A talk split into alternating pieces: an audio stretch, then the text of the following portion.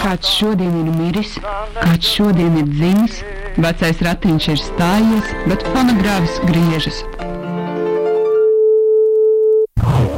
Jūsu mājās katru otro piekdienu, 19.00 Radio Nabērā. Labvakar, radio klausītāji! Uh, ar jums kopā šodien ēterā raidījums Fonogrāfs. Studijā ir Andrēs Balodis, Andris Hiršs, Ainārs Kamoliņš un Igors Šuvājevs. Labs vakars jūs mājās! Sveicam visus mūsu klausītājus, kuriem šodien, diemžēl, ir palikuši vieni vai kādu citu iemeslu dēļ klausās uh, radio, vai varbūt klausās divi tā. Uh, bet mēs viņus sveicam šodien, uh, 14. februārī, Valentīna dienā. Un tāpēc mēs arī šodien runāsim par mīlestību. Nu jā, tas raidījuma plāns būtu aplūkot mīlestību ļoti daudz un dažādos aspektos. Mums būs arī vairākas īsās intervijas, bet uh, mums arī studijā visu raidījumu laiku būs viesis, uh, kā jau tika minēts, Igors Švājevs. Uh, kaut kādā brīdī es arī minēšu telefonu numuru studijā, varat arī uh, zvanīt tieši ēterā un uzdot savus jautājumus. Es domāju, varbūt varētu jau nosaukt uh, radījumu klausītājiem, jo, ja rodās kādi jautājumi par mīlestības tēmu, par mīlestības vēsturi, par mīlestības veidiem, uh, mēs varam arī šos jautājumus arī apspriest uh, studijā.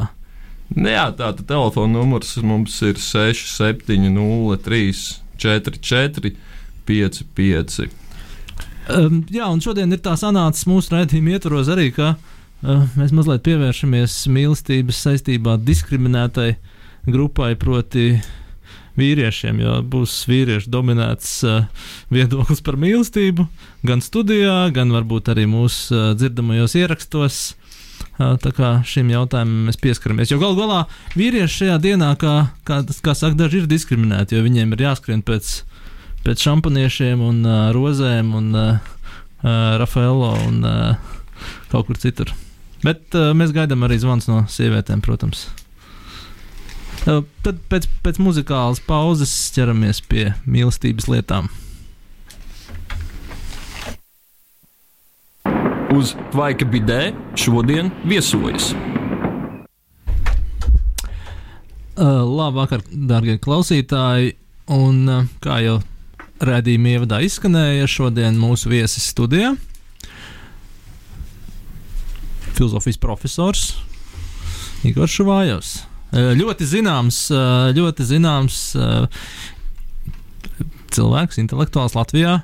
Es atceros, ka 2000. gados, manuprāt, pusrīga apmeklēja šo vāju kungu lekcijas, arī saistībā ar mīlestības tēmām. Es varbūt mazliet pārspīlēju, bet mūsu pirmais tradicionālais jautājums jums, vai jūs zināt, kas ir tvaika bidē? Nē, nezinu gan. Vai jūs vēlētos to uzzināt? Nē, Kā jums šķiet, kas tas varētu būt? tad jau redzēs. Nu, lieliski, jā, es domāju, katra, katra, katra mūsu viesa atbilde ir savā ziņā mm, interesanta, un ā, arī šī, es domāju, mums ļaus labāk pašiem saprast, kas ir tvaika bidē. Bet uh, es domāju, mēs varētu šo pirmo raidījumu sadaļu atklāt ar uh, jautājumiem par mīlestību un, un dabu un bioloģiju.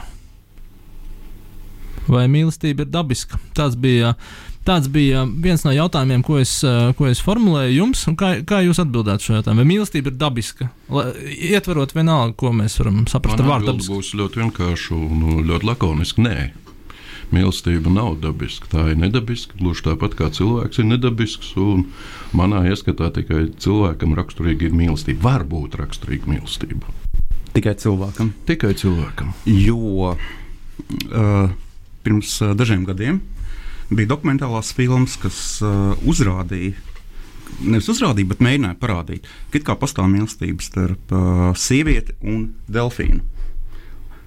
Un, uh, tad ir tas jautājums, tad, uh, vai piemēram, nu, cilvēks, protams, var mīlēt uh, da dažādas lietas. Viņš var mīlēt dzīvniekus, viņš var varbūt mīlēt lietas, otru cilvēku, dievu un tā tālāk. Un jautājums, vai delfīns var mīlēt? Kā, Bet- kā lai es to zinu? Turklāt, tā, kā jūs pieminējāt šos piemērus, nu kāds var mīlēt arī kafiju. Es nezinu, gan ja tā būtu ļoti karsta kafija, kā tā mīlēšanās tur sanāktu. Labi, bet uh, tad, ne, nu, piemēram, man arī uh, ir viena no tādām lietām, kad uh, dažkārt cilvēki raksturo sevi tad viņi arī apgalvo, ka viņi ir sapioseksuāļi. Proti, ka viņi kā, mīl gudrību. Nevis gudrība, kā filozofa, bet uh, mīl, nezinu, erudīciju, kaut kā tam līdzīga. Un šajā gadījumā man uh, vienmēr licies, es nekad neesmu saticis sapioseksuāli, jo man liekas, tur ir jābūt zināmam veidam, kā uh, reakcijām, kad cilvēks atver Wikipēdiju vai sāk lasīt Kanta, es nezinu, tīro prātu kritiku. Kaut kam tur jānotiek. Ne? Kam jānotiek? Sapioseksuālim. Jā. Oh, nu es pieļauju, ja, piemēram, cilvēks teikt, ka viņam ļoti patīk tāda un tāda tipa, pieņemsim, sievietes vai vīrieši, viņš ierauga. Tad, attiecīgi, pieņemsim, ir fizioloģiskas reakcijas uz to. Tad uh, sapilsseksuāli atrot Wikipēdiju. Skaidr, ne, studijā, protams, filozofa mēs atkal novirzījāmies, manuprāt, mazliet no tēmas no delfīniem. Par, par, par to dabisko. Bet šovā jau kungam es vēlētos tomēr pajautāt, tad uh, tikai cilvēks ir spējīgs uz mīlestību. Jūsuprāt, tā nozīmē, ka mīlestība ir tāda kultūrāla, cilvēcisku, sociālu, politisku, ekonomisku attiecību forma. Es nezinu par visām tām sociālām politiskām, jā, jā, labi, bet, un tam līdzīgi, bet skaidrs, ka šīs sociāli politiskās, protams, ietverās un tiek izmantotas turklāt. Tie paši cilvēki var pastāvēt ļoti labi un veidot savas attiecības, iztiekot bez tā, ko nosauc par mīlestību. Jo īstenībā jau mīlestība izteikti rietumu kultūras fenomens, un nevajadzētu īpaši ar to aizrauties. Tieši rietumu. Bet uh, tad sanāk, faktiski, jūs prāt, emocijas vai mīlestība šajā gadījumā ir vienkārši konstruētas. Pagaidiet, pagaidiet. Emocijas var būt kaut kas. Tad vajadzētu teikt, ka kādam ir uznākusi kaut kāda situācija, stāvoklis. Viņam pienāk, kādam neuznāk, kādam nepienāk. Kāds gaida un gaida, un tā arī nekad nepienāk. Emocijas, jūtas un afekti, kas saistīti ar cilvēku attiecībām, tas ir kaut kas cits. Rietumkultūras ietvaros to saist ar mīlestību.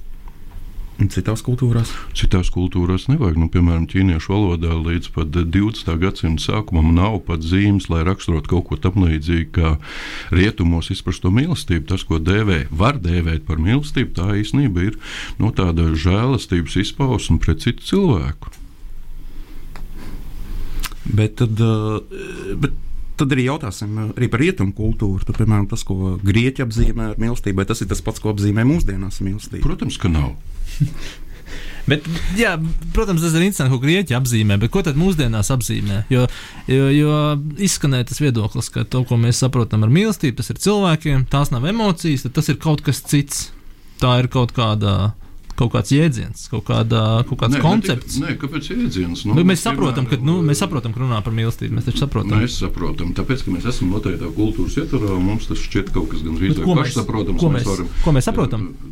Tad jau būtu interesantāk skatīties. Tad var arī dažs labs mīlēt delfīnus, un var mīlēt valstu, un ko tikai var nemīlēt. Nu, īstenībā tā ir liekvārdība, jo, teiksim, par kafiju, nu, patīk kafija, garšo kafiju. Nu, būsim precīzi, pavisam vienkārši. Grieķiem, grieķiem, protams, ir kaut kas līdzīgs tiem vārdiem, ko mēs devējam par mīlestību, taču izprast tas tiek pilnīgi citādi. Turklāt tā kā jau nojaušams un iepriekš eh, tas izskanējis šajā telpā nu, ar to, ko mūsdienās dēvē par seksuālo seksualitāti, tam arī var nebūt nekāda saistība. Bet. Nē, tagad ir tāds uh, neliels aplikums. Tāpēc, ka... Aizvien, bet, bet, ja mēģināt, protams, ka komplicēt, bet, ja mēģināt kaut kā paskaidrot vai ieskicēt, kas ir tā būtiskākā atšķirība, piemēram, tam, kā senajā Grieķijā saprata to, to mīlestības konceptu un kāds ir tagad, mūsdienās 21. gadsimta Rietumē Eiropā. Nu, pavisam vienkārši. Pirmkārt, eh, tiem senajiem grieķiem nebija nekas tam līdzīgs, ko mūsdienās dēvē par seksualitāti. Tas ir daudz vēlāka laika konstrukcija, kas tiek izstrādāta un kā to izmanto.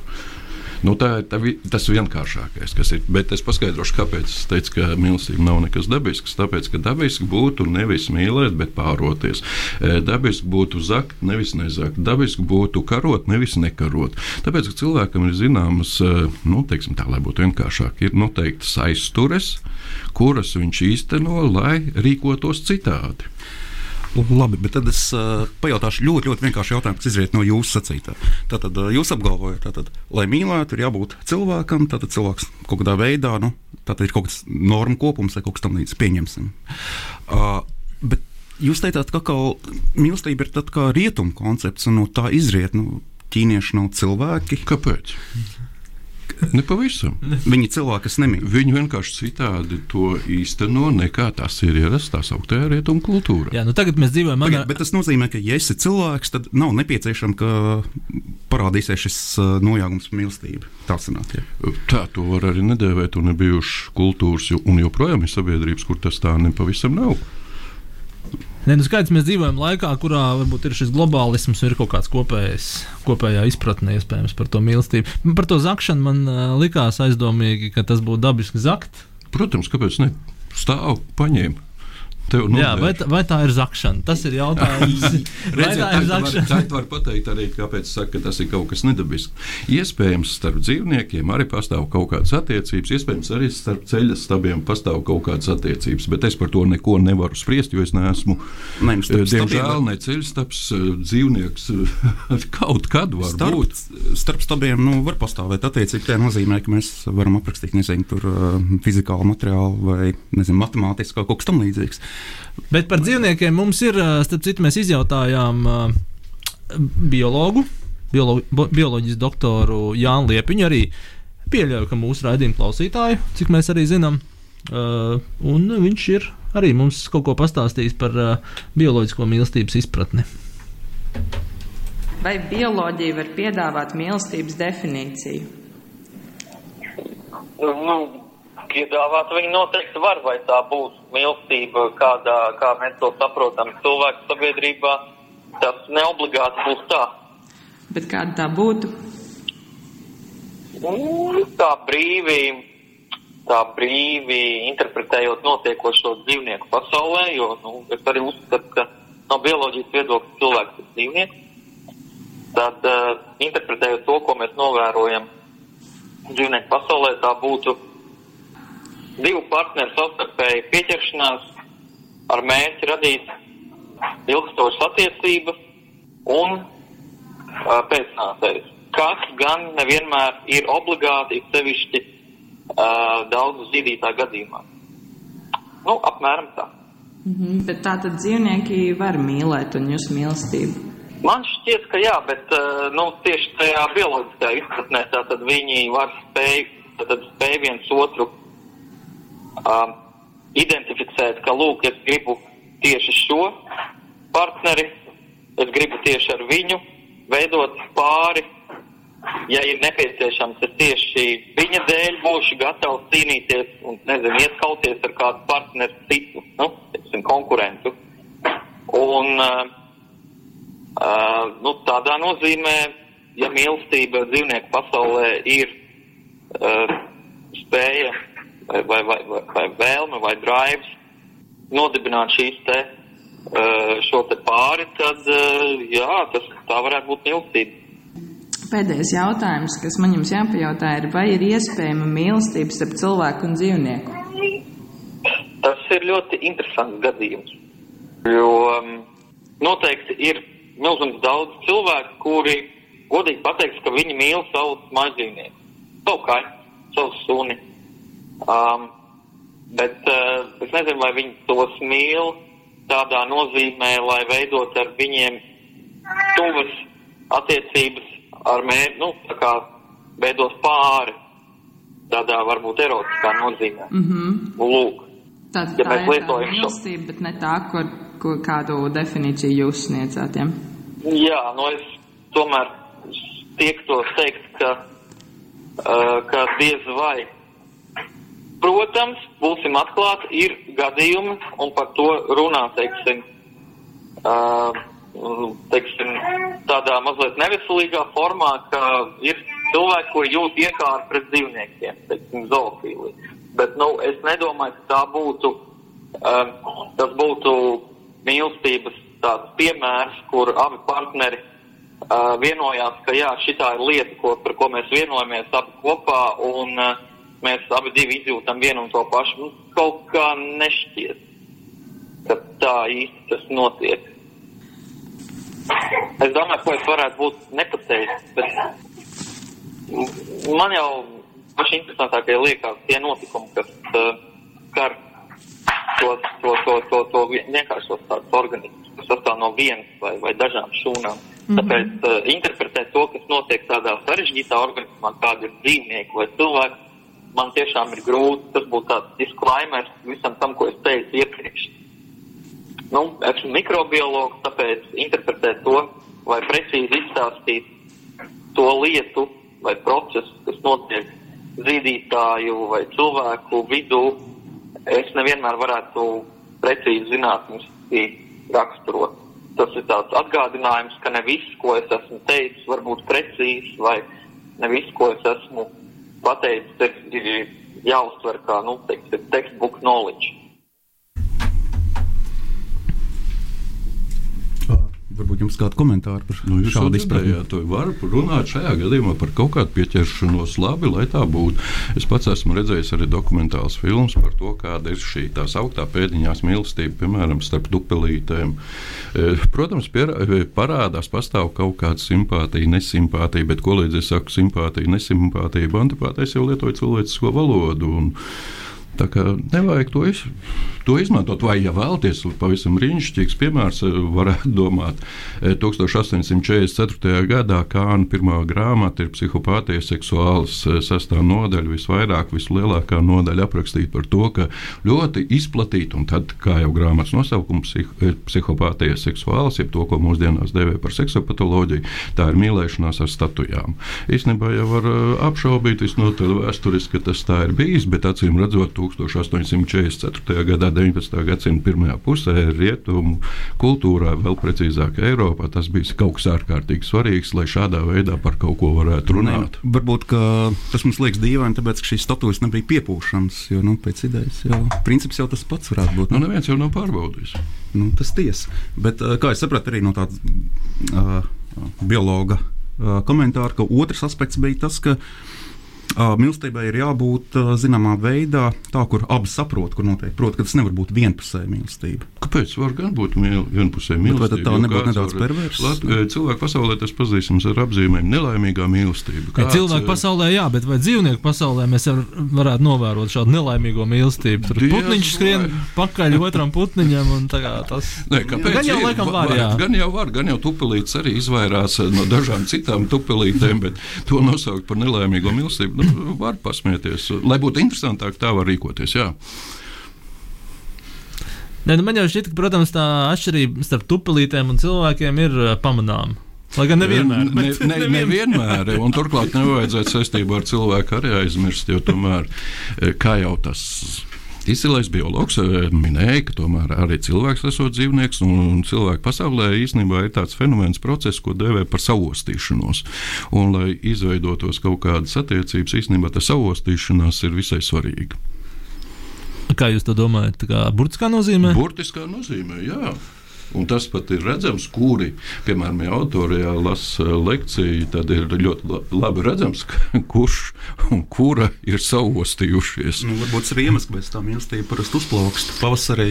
Varbūt, bet tas nenozīmē ne pavisam. Tas var tik nozīmēt to, ka kāds ir iegrābies vai kāda ir iegrābusies un turpina šo iegrābšanos. Jā, bet, tad, ne, bet tas tiešām nozīmē, ka 14. decembris mīls, tā kā Valentīna diena, diezgan slikta diena. Jo nu, cilvēki ir februārs. 14. februārs atvainojas, jā. Varbūt, nu, bieži vien cilvēki ir varbūt ar iesnām, nespēja savostīties. Un, tad, un tieši tāpēc arī tiek svinēta šī pāri diena, jo tie ir tie, kas ir iepriekšējā vasarā savostījušies. Un, joprojām kopā. Nē, nē, šī var būt arī savostīšanās diena. Mēs to arī varam tādā veidā izdarīt. Nu, mēs būtu zīme, es nezinu, tagad arī nāk virsū sliktais vīrus. Un... Kāpēc vīrusu slikti?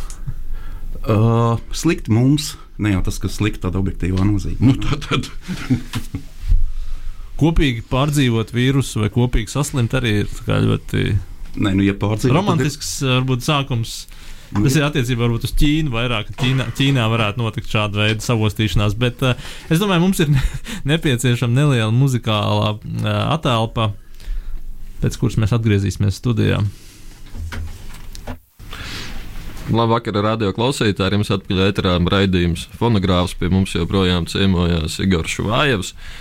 Saistībā ar to atgādināšu telefonu numuru studijā. Var droši zvanīt tieši ēterā un uzdot savus jautājumus. Tātad numurs 67, 0, 3, 4, 4, 5, 5. Un kā es saprotu, tagad noklausīsimies vēl vienu mini interviju. Noklausīsimies vēl vienu ierakstu, jo raidījums fonogrāfs strādā arī pirms raidījumiem. Mēs esam aptaujājuši mm, dažus cilvēkus. Šeit jūs dzirdēsiet uh, mākslas kritiķi Helmutu Caunu un varēsiet dzirdēt, ko viņš domā par Valentīnas, Valentīna dienas svinēšanu un mīlestību. Ja?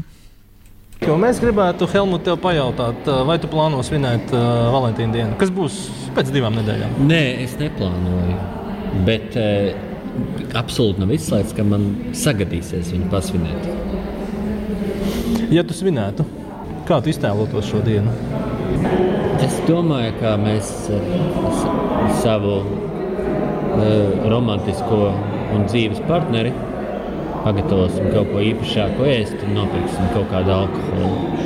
Un vienkārši pavadīsim patīkamu vakaru divu tādu. Kā tev liekas, vai ir svarīgi ar savu partneri kopīgi novecot? Vai tu gribētu sev tādu partneri, ar ko tu gribētu novecot? Es neesmu pilnīgi drošs, bet man šķiet, ka drīzāk jā, nekā nē. Es, es, es nesaku, tas ir svarīgi, bet tas ir ļoti liederīgi. Tas ir vērtīgi. man šķiet. Ko tas nozīmē tas... liederīgi? Klausies, šajā vārdā, tas, jā. noder, tas noder lietām. nu, nē, tas ir, eh, tas ir derīgi. teiksim. Tas ir kaut kas, eh, padara, padara dzīvi paciešamāku. Tā man tas šķiet. Nu, varētu arī Ja tu otra opcija Noder kā līdzeklis kādam citam mērķim. Noder kā līdzeklis kādam citam mērķim. Lūk, paldies, Igor. Un tas mērķis būtu? Sāksim ar piezemētākiem mērķiem. Pacie, paciešamāka dzīve. Bet tev neliekas, ka varbūt uh, derīgi būtu arī, ja tu nenoveco. Vispār nenoveco? Nē, nevis nu, nenoveco kopā. Ja tu noveco, bet tavu partneri tā kā kļūst aizvien jaunāk. À, bet tas eh, mūsu mums dotajā realitātē tas laikam iet ar to, ka tam partnerim regulāri jāmainās. Nu, Nu, jā. Tam atkal ir, tam, tur atkal ir ietverta zināma neparedzamība. Tur var būt visādi blakus efekti. Nē, Mm -hmm. nē, Labi, Helmut. nē. Helmut. Es, es teiktu, ka nē. Nu, Kāpēc tu negribi atbildēt uz jautājumu, kas ir mīlestība? Es saprotu, ka tu negribi. jo es nezinu. Mīlestība ir vārds, kurā mēs esam ielikuši daudz dažādas nozīmes, bet man nav ne jausmas, kas ir mīlestība. Labi, Nu, es tev nejautāšu. Man nav labākas atbildes par to, ka mīlestība. Rādījums fonogrāfs atgriežas studijā, un es domāju, es nezinu, vai mēs atbildēsim šo jautājumu šobrīd, bet man šķiet, ka es, es radīšu atkal vienu urbāno leģendu. Man šķiet, ka profesors Šavājos Latvijā daudziem atvēra acis par to, ka, nu, īstenībā mīlestības ir daudz dažādas, dažādu mīlestību formas un uh, veidu. Un, ja mēs skatāmies uh, vēsturē, tad mēs atrodam Grieķijā dažādas mīlestības formas. Un, uh, uh, jo, jo tiešām 2000. gada sākumā, 90. gada beigās, uh, šīs idejas parādījās Latvijā. Varbūt mēs varētu mūsu klausītājiem ieskicēt, kāpēc ir vērts domāt, ka ir dažādas mīlestības. Bet kāpēc lai nebūtu? Īstenībā gan man, man pārsteidz, ka pa kuru laiku Helmuts pārkvalificējies par mākslas kritiķi. Jau, jau vairākus gadus. Jau vairākus strādā gadus, ārā teritorijā, raksta. Ah, jā, Un tajā vietā, kur strādā, tāpēc tāds ir. Jā, Nē, nē, viņš arī raksta par mākslu un ir mākslinieks. jā un, ja raksta par mākslu, tad mākslas kritiķis skaidrs. labi. E, e, un tagad var jau precizēt e, par tam daudzām dažādām mīlestībām. Un īstenībā var jau gadīties, ka īstenībā skumji būs. Tad, kad biologs tika piesaukts un aicināts, un viņš runāja, tad viņš teica, lai radītu pēcnācējus. Cilvēciskās attiecības var būt visdažādākās, un pēcnācēju radīšana nevienmēr ir svarīgākais. Un tieši tāpēc ir daudzas dažādas. e, Mīlestības dažādas formas, taču pastāvošajās sabiedrībās tas vienmēr tiek eh, reglamentēts un uzskatīts kaut kas par normu, pārējais par anormālo. Iespējams, ka no šāda visai arhaiska priekšstata Latvijā vajadzētu atvadīties, un jo ātrāk, jo labāk. Jūs domājat par tiem pēcnācējiem? Kaut vai, jo var, piemēram, nu, kaut vai klasiskais variants, klasiskais tradicionālais variants, vīrietis un sieviete, bet viņi var dzīvot kopā, viņi, viņi starp viņiem var būt mīlestība, bet nekāda pēcnācēja radīšana viņiem nav padomā, gluži pretēji, viņi varbūt ir pilnīgi pretējos ieskatos. Turklāt jāņem vērā, ka kaut vai tīri bioloģiski e, var dzīvot kopā cilvēki, kuri pēcnācējs nevar radīt, kuri pie pēcnācējiem nevar tikt, un tāpēc teikt, ka starp viņiem nepastāv mīlestība, nu, tas vienkārši rāda tāda visai, nezinu, kā lai pasakā, pieklājīga. Bet, var, bet man, es tikai mazliet precizēju, jo es pareizi sapratu, ka atteikties vispār no nošķīruma, ka ir normāla un ir abnormāla mīlestība. Tas nav iespējams, tāpēc ka jebkurā sabiedrībā vienmēr būs tendence kaut ko uzskatīt par tādu, kam dodam priekšroku, kam nav dodam priekšroku. Sabiedrība kopumā bez reglamentējošā, bez disciplinējošā nepastāv vienkārši. Un jautājums ir par to, kādu šo reglamentāciju turpināt, kādu neturpināt un ko iespējams labāk mainīt. Jā, bet uh, mēs varētu teikt, ka individuālā līmenī ir pāris, kas nevēlas bērnus. Viss brīnišķīgi. Taču tādā gadījumā mēs nenokļūstam arī pie jautājuma par biopolitiku. Tas, ka valstī jau savukārt ir jāveicina atražošanās, vai ne? Un līdz ar to viņi izmanto dažādu veidu retoriku. Lūdzu, mums ne tikai retorika, tā ir īstenībā ļoti drakoniska, drakoniski pasākumi. Ir, turklāt, tā, kā pieminēja biopolitika, jā, tas apmēram 18. gadsimtā iezīmēs, kad strikti iestrādā divdzimumības modeli, turklāt bioloģiski pamatot. Un, piemēram, vēl tāds ir tāds autors Hermans Rolēders 20. gadsimtā. Viņš Viņš eh, īstenībā ir ļoti labs eh, speciālists, mediķis. Viņš raksta, ka vajag panākt, eh, lai būtu šie pēcnācēji, un turklāt ir tādi dzīvē nederīgi, ja dzīvē nederīgos viņš iedala trijās grupās. Turklāt ir tādi, kuriem pēcnācēji nav vēlami, lai nebūtu, un tāpēc viņš, piemēram, raksta, un tas ir 20. gadsimta 20. gadu pirmā pusē. Valsts pienākums ir ar rengēnu stariem apstarot šos cilvēkus un panākt, lai pēcnācēji nebūtu. Nu, varbūt arī mūsdienās daži kaut ko līdzīgu. Nu, gribēt, jāteic, gribēt. ka 19. gadsimta un vēl 20. gadsimta sākumā, ne tikai 20. gadsimta sākumā, principā līdz 20. Gad, gadsimta vidum, tas vēl bija brutāli un fiziski. To jau var panākt arī tā teikt humānākiem līdzekļiem. Jā, bet ir jautājums, vai vispār tā spriedzes starp šo biopolitiku vai teiksim, valsts mērķiem atražoties un piemēram, individuāliem mērķiem kaut ko nezinu, veidot savas attiecības, dzīvot savu dzīvi vispār vispār šī spriedzes kādreiz nu, varētu izzust. Nu, reizē reiz ar cilvēku noteikti izzudīs. Tas ir skaidrs, tas ir viens. Otrs, īstenībā, tas nav tikai saistībā ar valsti. Jo, piemēram, to piemēru, ko es minēju, tas ir pazīstams jau apmēram kādā 2. un 3. gadsimtā mūsu ērā, kas, starp citu, apzīmējums mūsu ērā, ne mūsu ērā, arī ļoti jauki skan. Kristietības ietvaros bija tāda kustība enkratisti.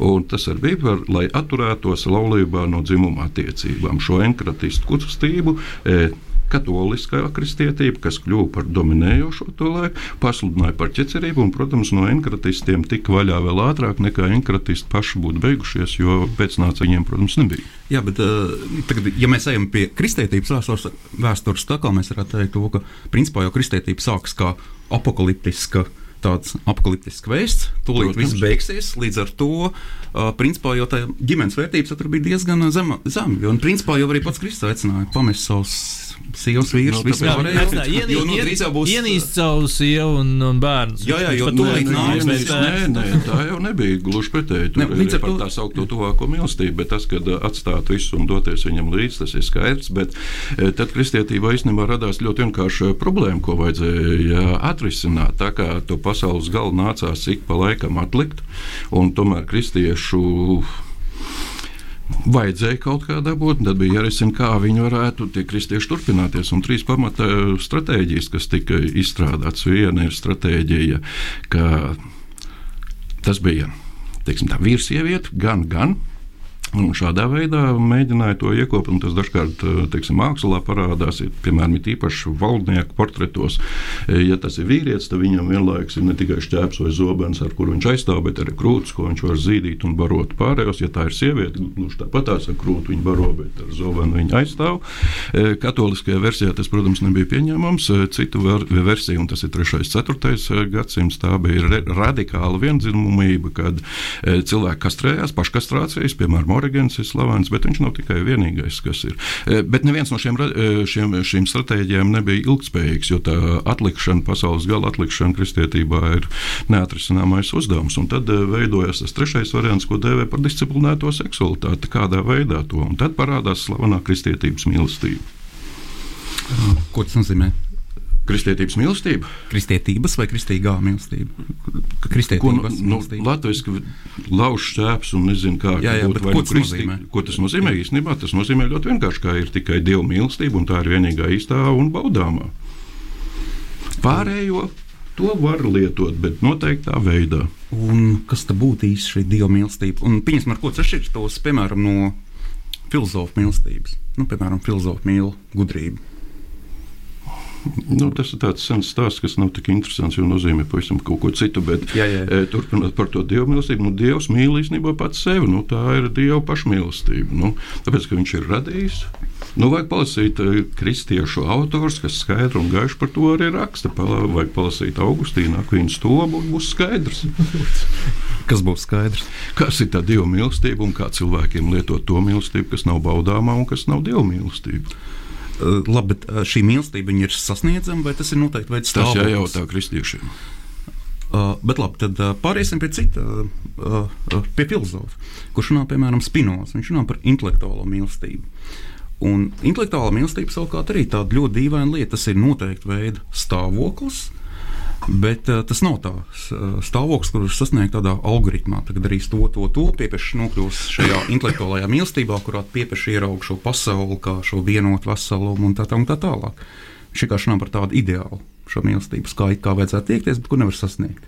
Bet kā reizē tas var palīdzēt tev dzīvot tavu dzīvi labāk. Tā nozīmē, ka tas pieņemsim intelektuāli interesēts lietās, es kontrolēju savus afektus un tā tālāk.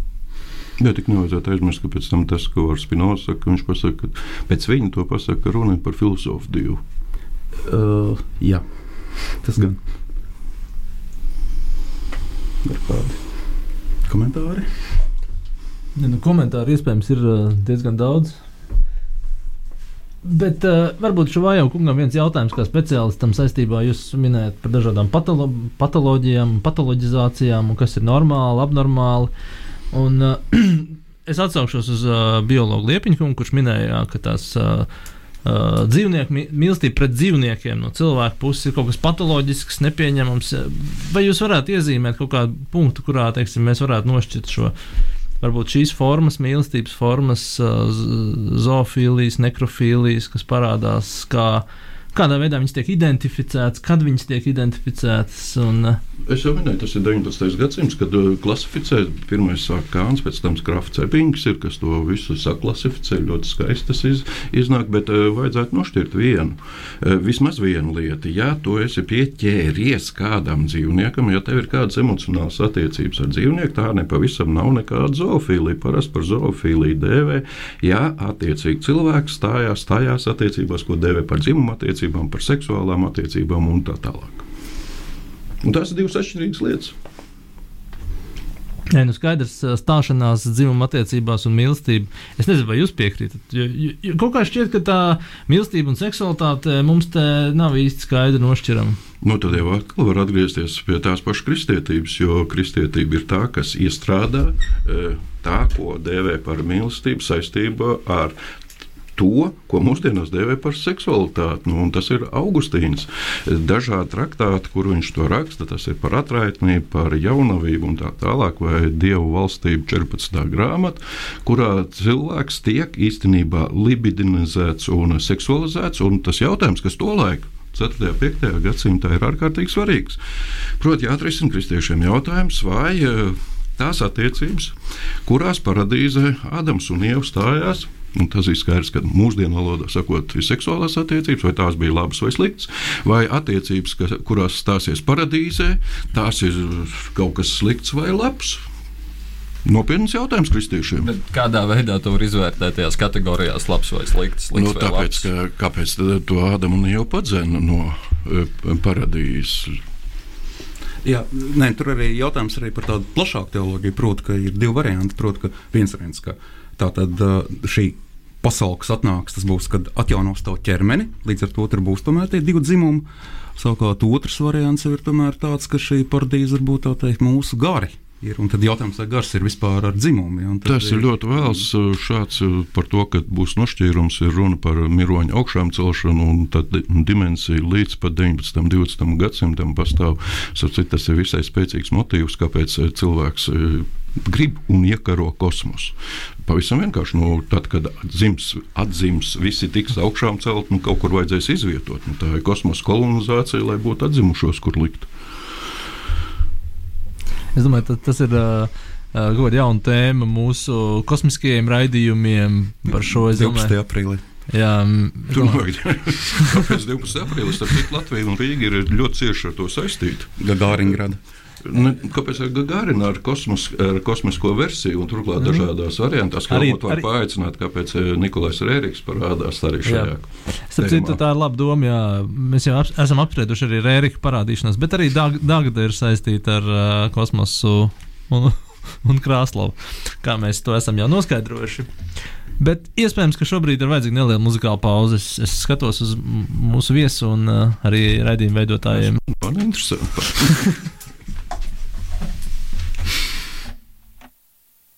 Radio monodoloģija, 35. paragrāfs. Un visbeidzot ir vienkāršas idejas, kurām nevar dot definīciju. Ir arī axiomas un postulāti, jeb īsi sakot, sākotnējie principi, kuri nav pierādāmi un kam tas nemaz nav vajadzīgs.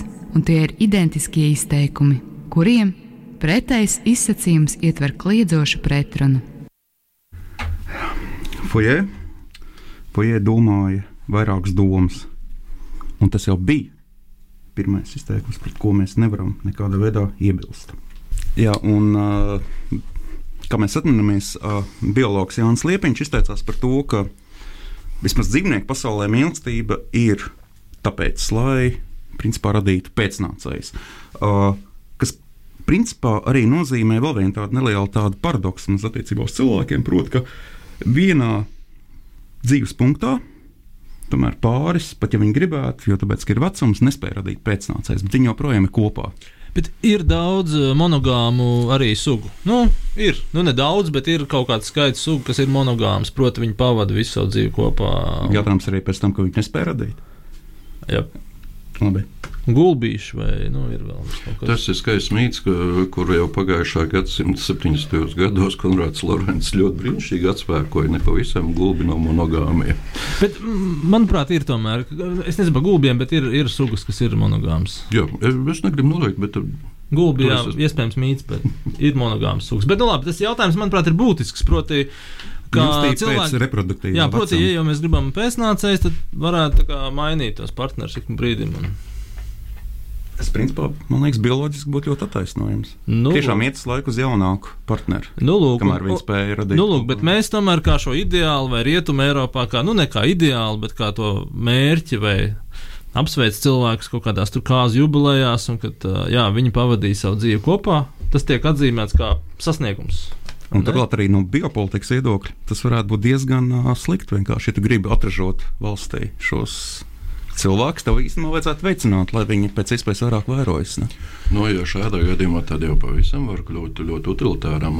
Valstī nav izdevīgi biopolitiskā aspektā, piemēram, sievietes, kas ir bezdarbnieces, tās var sūtīt noteiktā veidā un ar viņām izrīkojas. Un īstenībā Latvijā tas notiek tikai pretējā veidā, tad, kad sāk veidot visādas, ja tā var izteikties, dzemdināšanas fermas, kurās pieņem, ka ja ir ieņemts kaut kas, tad noteikti tam ir jānāk pasaulē pasaulē.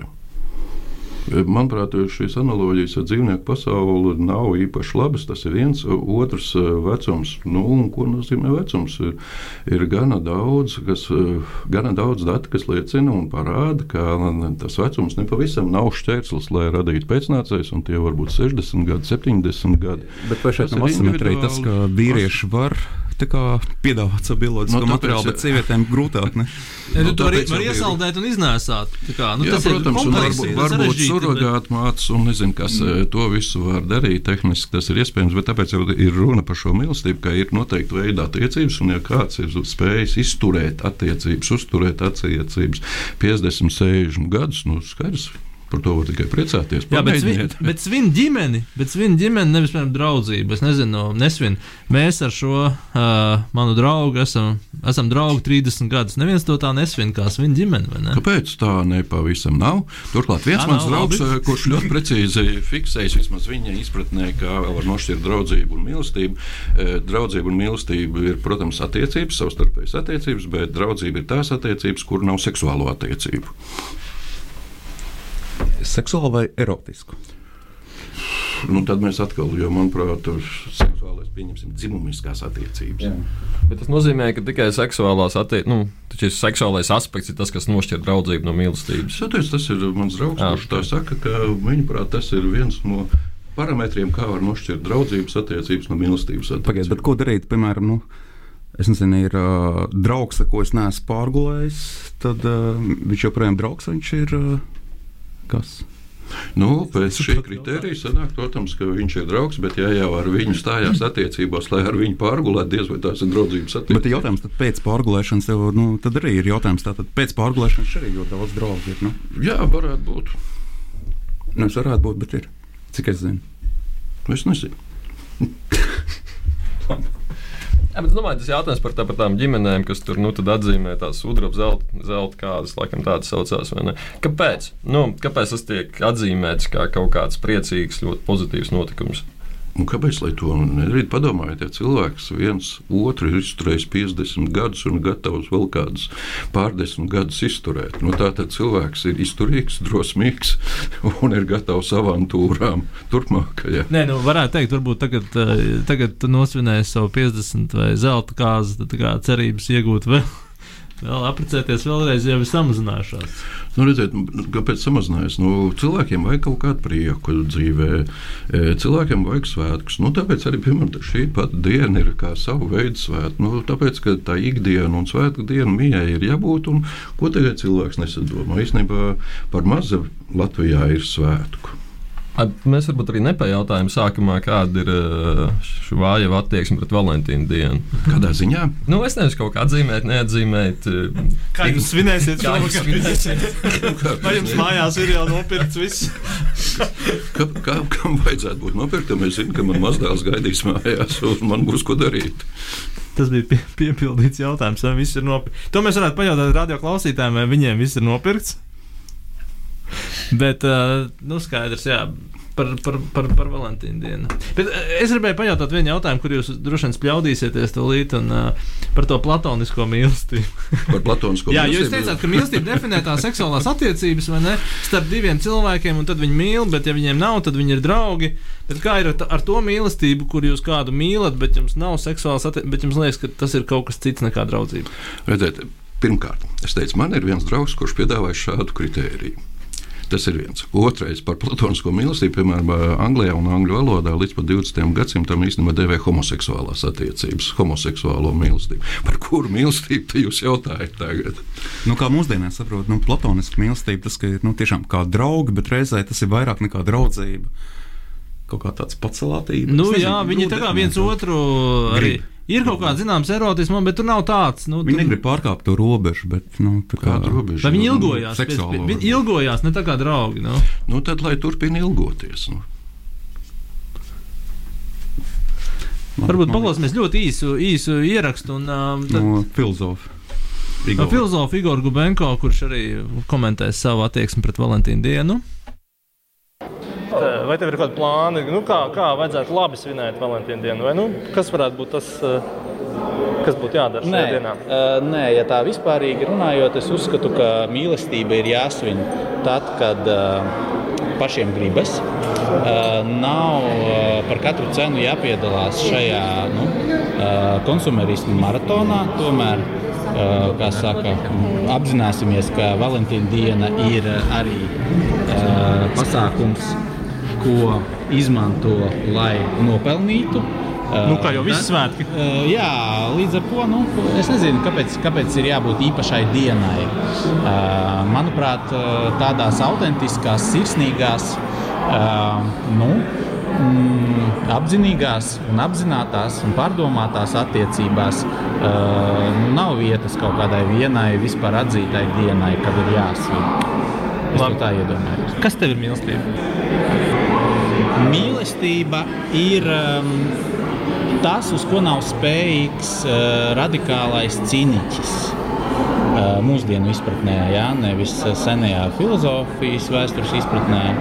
Un radikālais cīniķis, protams, ir tas, kurš uh, es atļaušos mm, nu, pretendēt uz to, ka viņš redz uh, pasauli visadekvātākā veidā.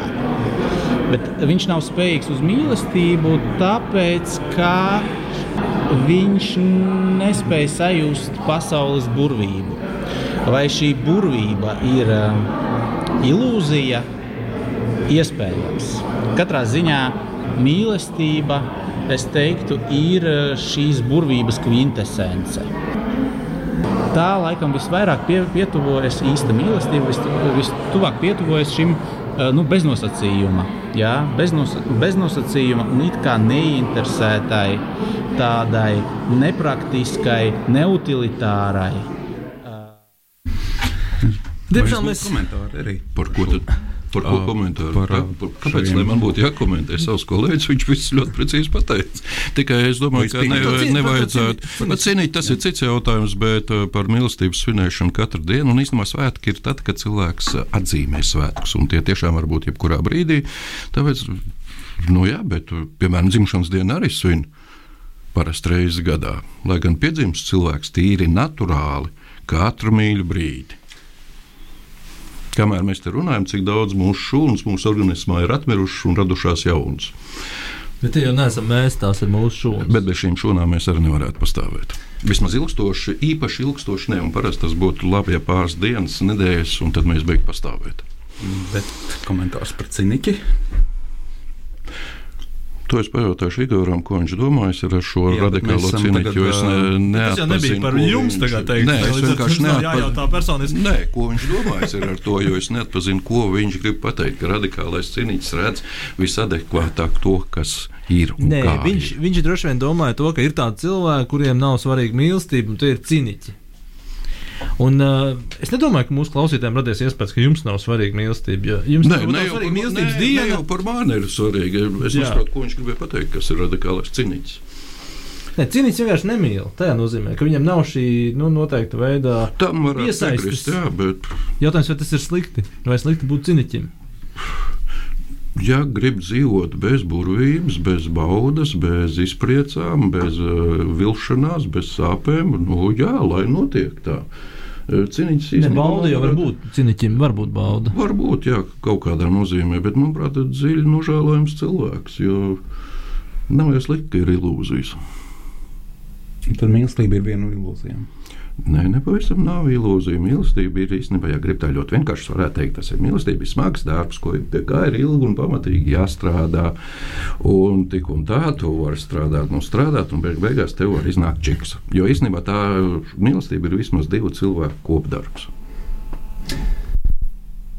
Jā, bet, diemžēl, nu, kā mēs zinām, ir mīlestības, kur tas nesanāk. Viens cilvēks strādā, otrs nestrādā. Protams, vienalga ir čiks ir tāda, kur abi strādāja. Čiks. Jā, varbūt, varbūt, varbūt noslēdzot raidījumu, mēs varētu uzdot uh, filozofam jautājumu. Mēs arī esam filozofi, mēs arī par to domāsim.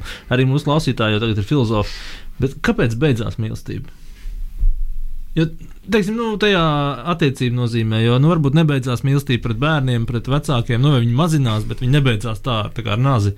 Bet, bet tā seksuālā mīlestība tomēr beidzās dažreiz. Un kāpēc viņi beidzās? Nu, tāpēc, ka, manuprāt, cilvēku pasaulē ir viena brīnišķīga lieta. Un kas, manuprāt, ļoti svarīgi cilvēku raksturojuma lielums. Cilvēku pasaule, cilvēciskā pasaule ir galīga. Un tāpēc vienalga, kas, kas saistīts ar cilvēku, beigsies. Es nezinu, tu varētu teikt, ka ir jāmīl ne cilvēki, vai jāmīl Dievs, vai jāmīl Jā, tāpēc Sevi. kristieši arī ir īstenībā vajag lasīt šos tekstus un skaidri un gaiši pateikt, ka kristietis ir pārcilvēks. Nu, tāpēc viņi arī paļaujas uz dievu mīlestību. Vismaz kāds mūs mīlēs. Nē, es domāju, tas, tas varētu būt iedvesmojoši, iedvesmojoši arī visiem tiem, kuriem ir kaut kas šajā brīdī beidzies. Jūs vismaz esat aptvēruši to, ka cilvēks ir galīgs. Šī... Īsumā tur jābūt arī diezgan lielam spēkam, lai saprastu, ka mūsu dzīve ir galīga. Mēs esam galīgas būtnes un varbūt dažreiz labāk to apzināties un likt punktu. Varbūt Jā, to, to mēs arī novēlam Valentīna dienā. Lieciet punktu! Lieciet punktu! Bet uh, šodien mēs droši vien atvadamies, un uh, fonogrāfs ir atsācis savu. Uh, pavasara, pavasara sezonu. Mēs tagad atgriezīsimies pēc divām nedēļām. Mēs atgriezīsimies ar uh, stāstiem no Vitebskas. Jā, no beidzot mēs stāstīsim par Vitebsku un Vitebskas guberņu, un uh, mēs stāstīsim par uh, māksliniekiem, vai ne? Jā, ja nemaldos, tad uh, par tādiem māksliniekiem kā Balēvičs. Un Šagāls. Šagāls. Faktiski par Malēviču un Šagālu cīņu. Un, pa vidu arī, protams, arī dažlaps filozofs. Kas norisinājās pavisam netālu no mūsu Latvijas teritorijas. Kādreiz mēs bijām kopā. Proti, pāris simt km tālāk, uz leju pa Daugavu. Dārgta bija kopā ar Viķersku. Jā, bet uh, Latvija bija kopā ar jā, pāris simt km uz leju pa Daugavu. Mēs tur bijām šajā rudenī un šo to atklājām. Tad par to arī parunāsim. Būs jā, par to, kā melnais kvadrāts pret Bahtinu un protams, arī pa vidu Rainas un Raņa māte. Nu, Rainas un Raņa māte būs aiznākamais raidījums. Jā, bet jā. No, to jūs visi dzirdēsiet, arī visu dzirdēsiet šajā pavasarī. Mēs novēlam jums uh, lieliski sagaidīt, uh, ko? Nu, Savu īsto vai pielikt galu, punktu? Galu. Nē, nu, sagaidīt, kad beidzas šī Valentīna diena un dzīvot labi. Varbūt novēlam sagaidīt 50 gadu to kāzu, zelta kāzu. Arī nu, mēs novēlam visu visu, ko jūs vēlaties. Uh, ar labu vakaru! Paldies Igoram, Švaivam! Paldies jums! Un aizmirstiet, ka dažkārt ir interesanti mīlēt.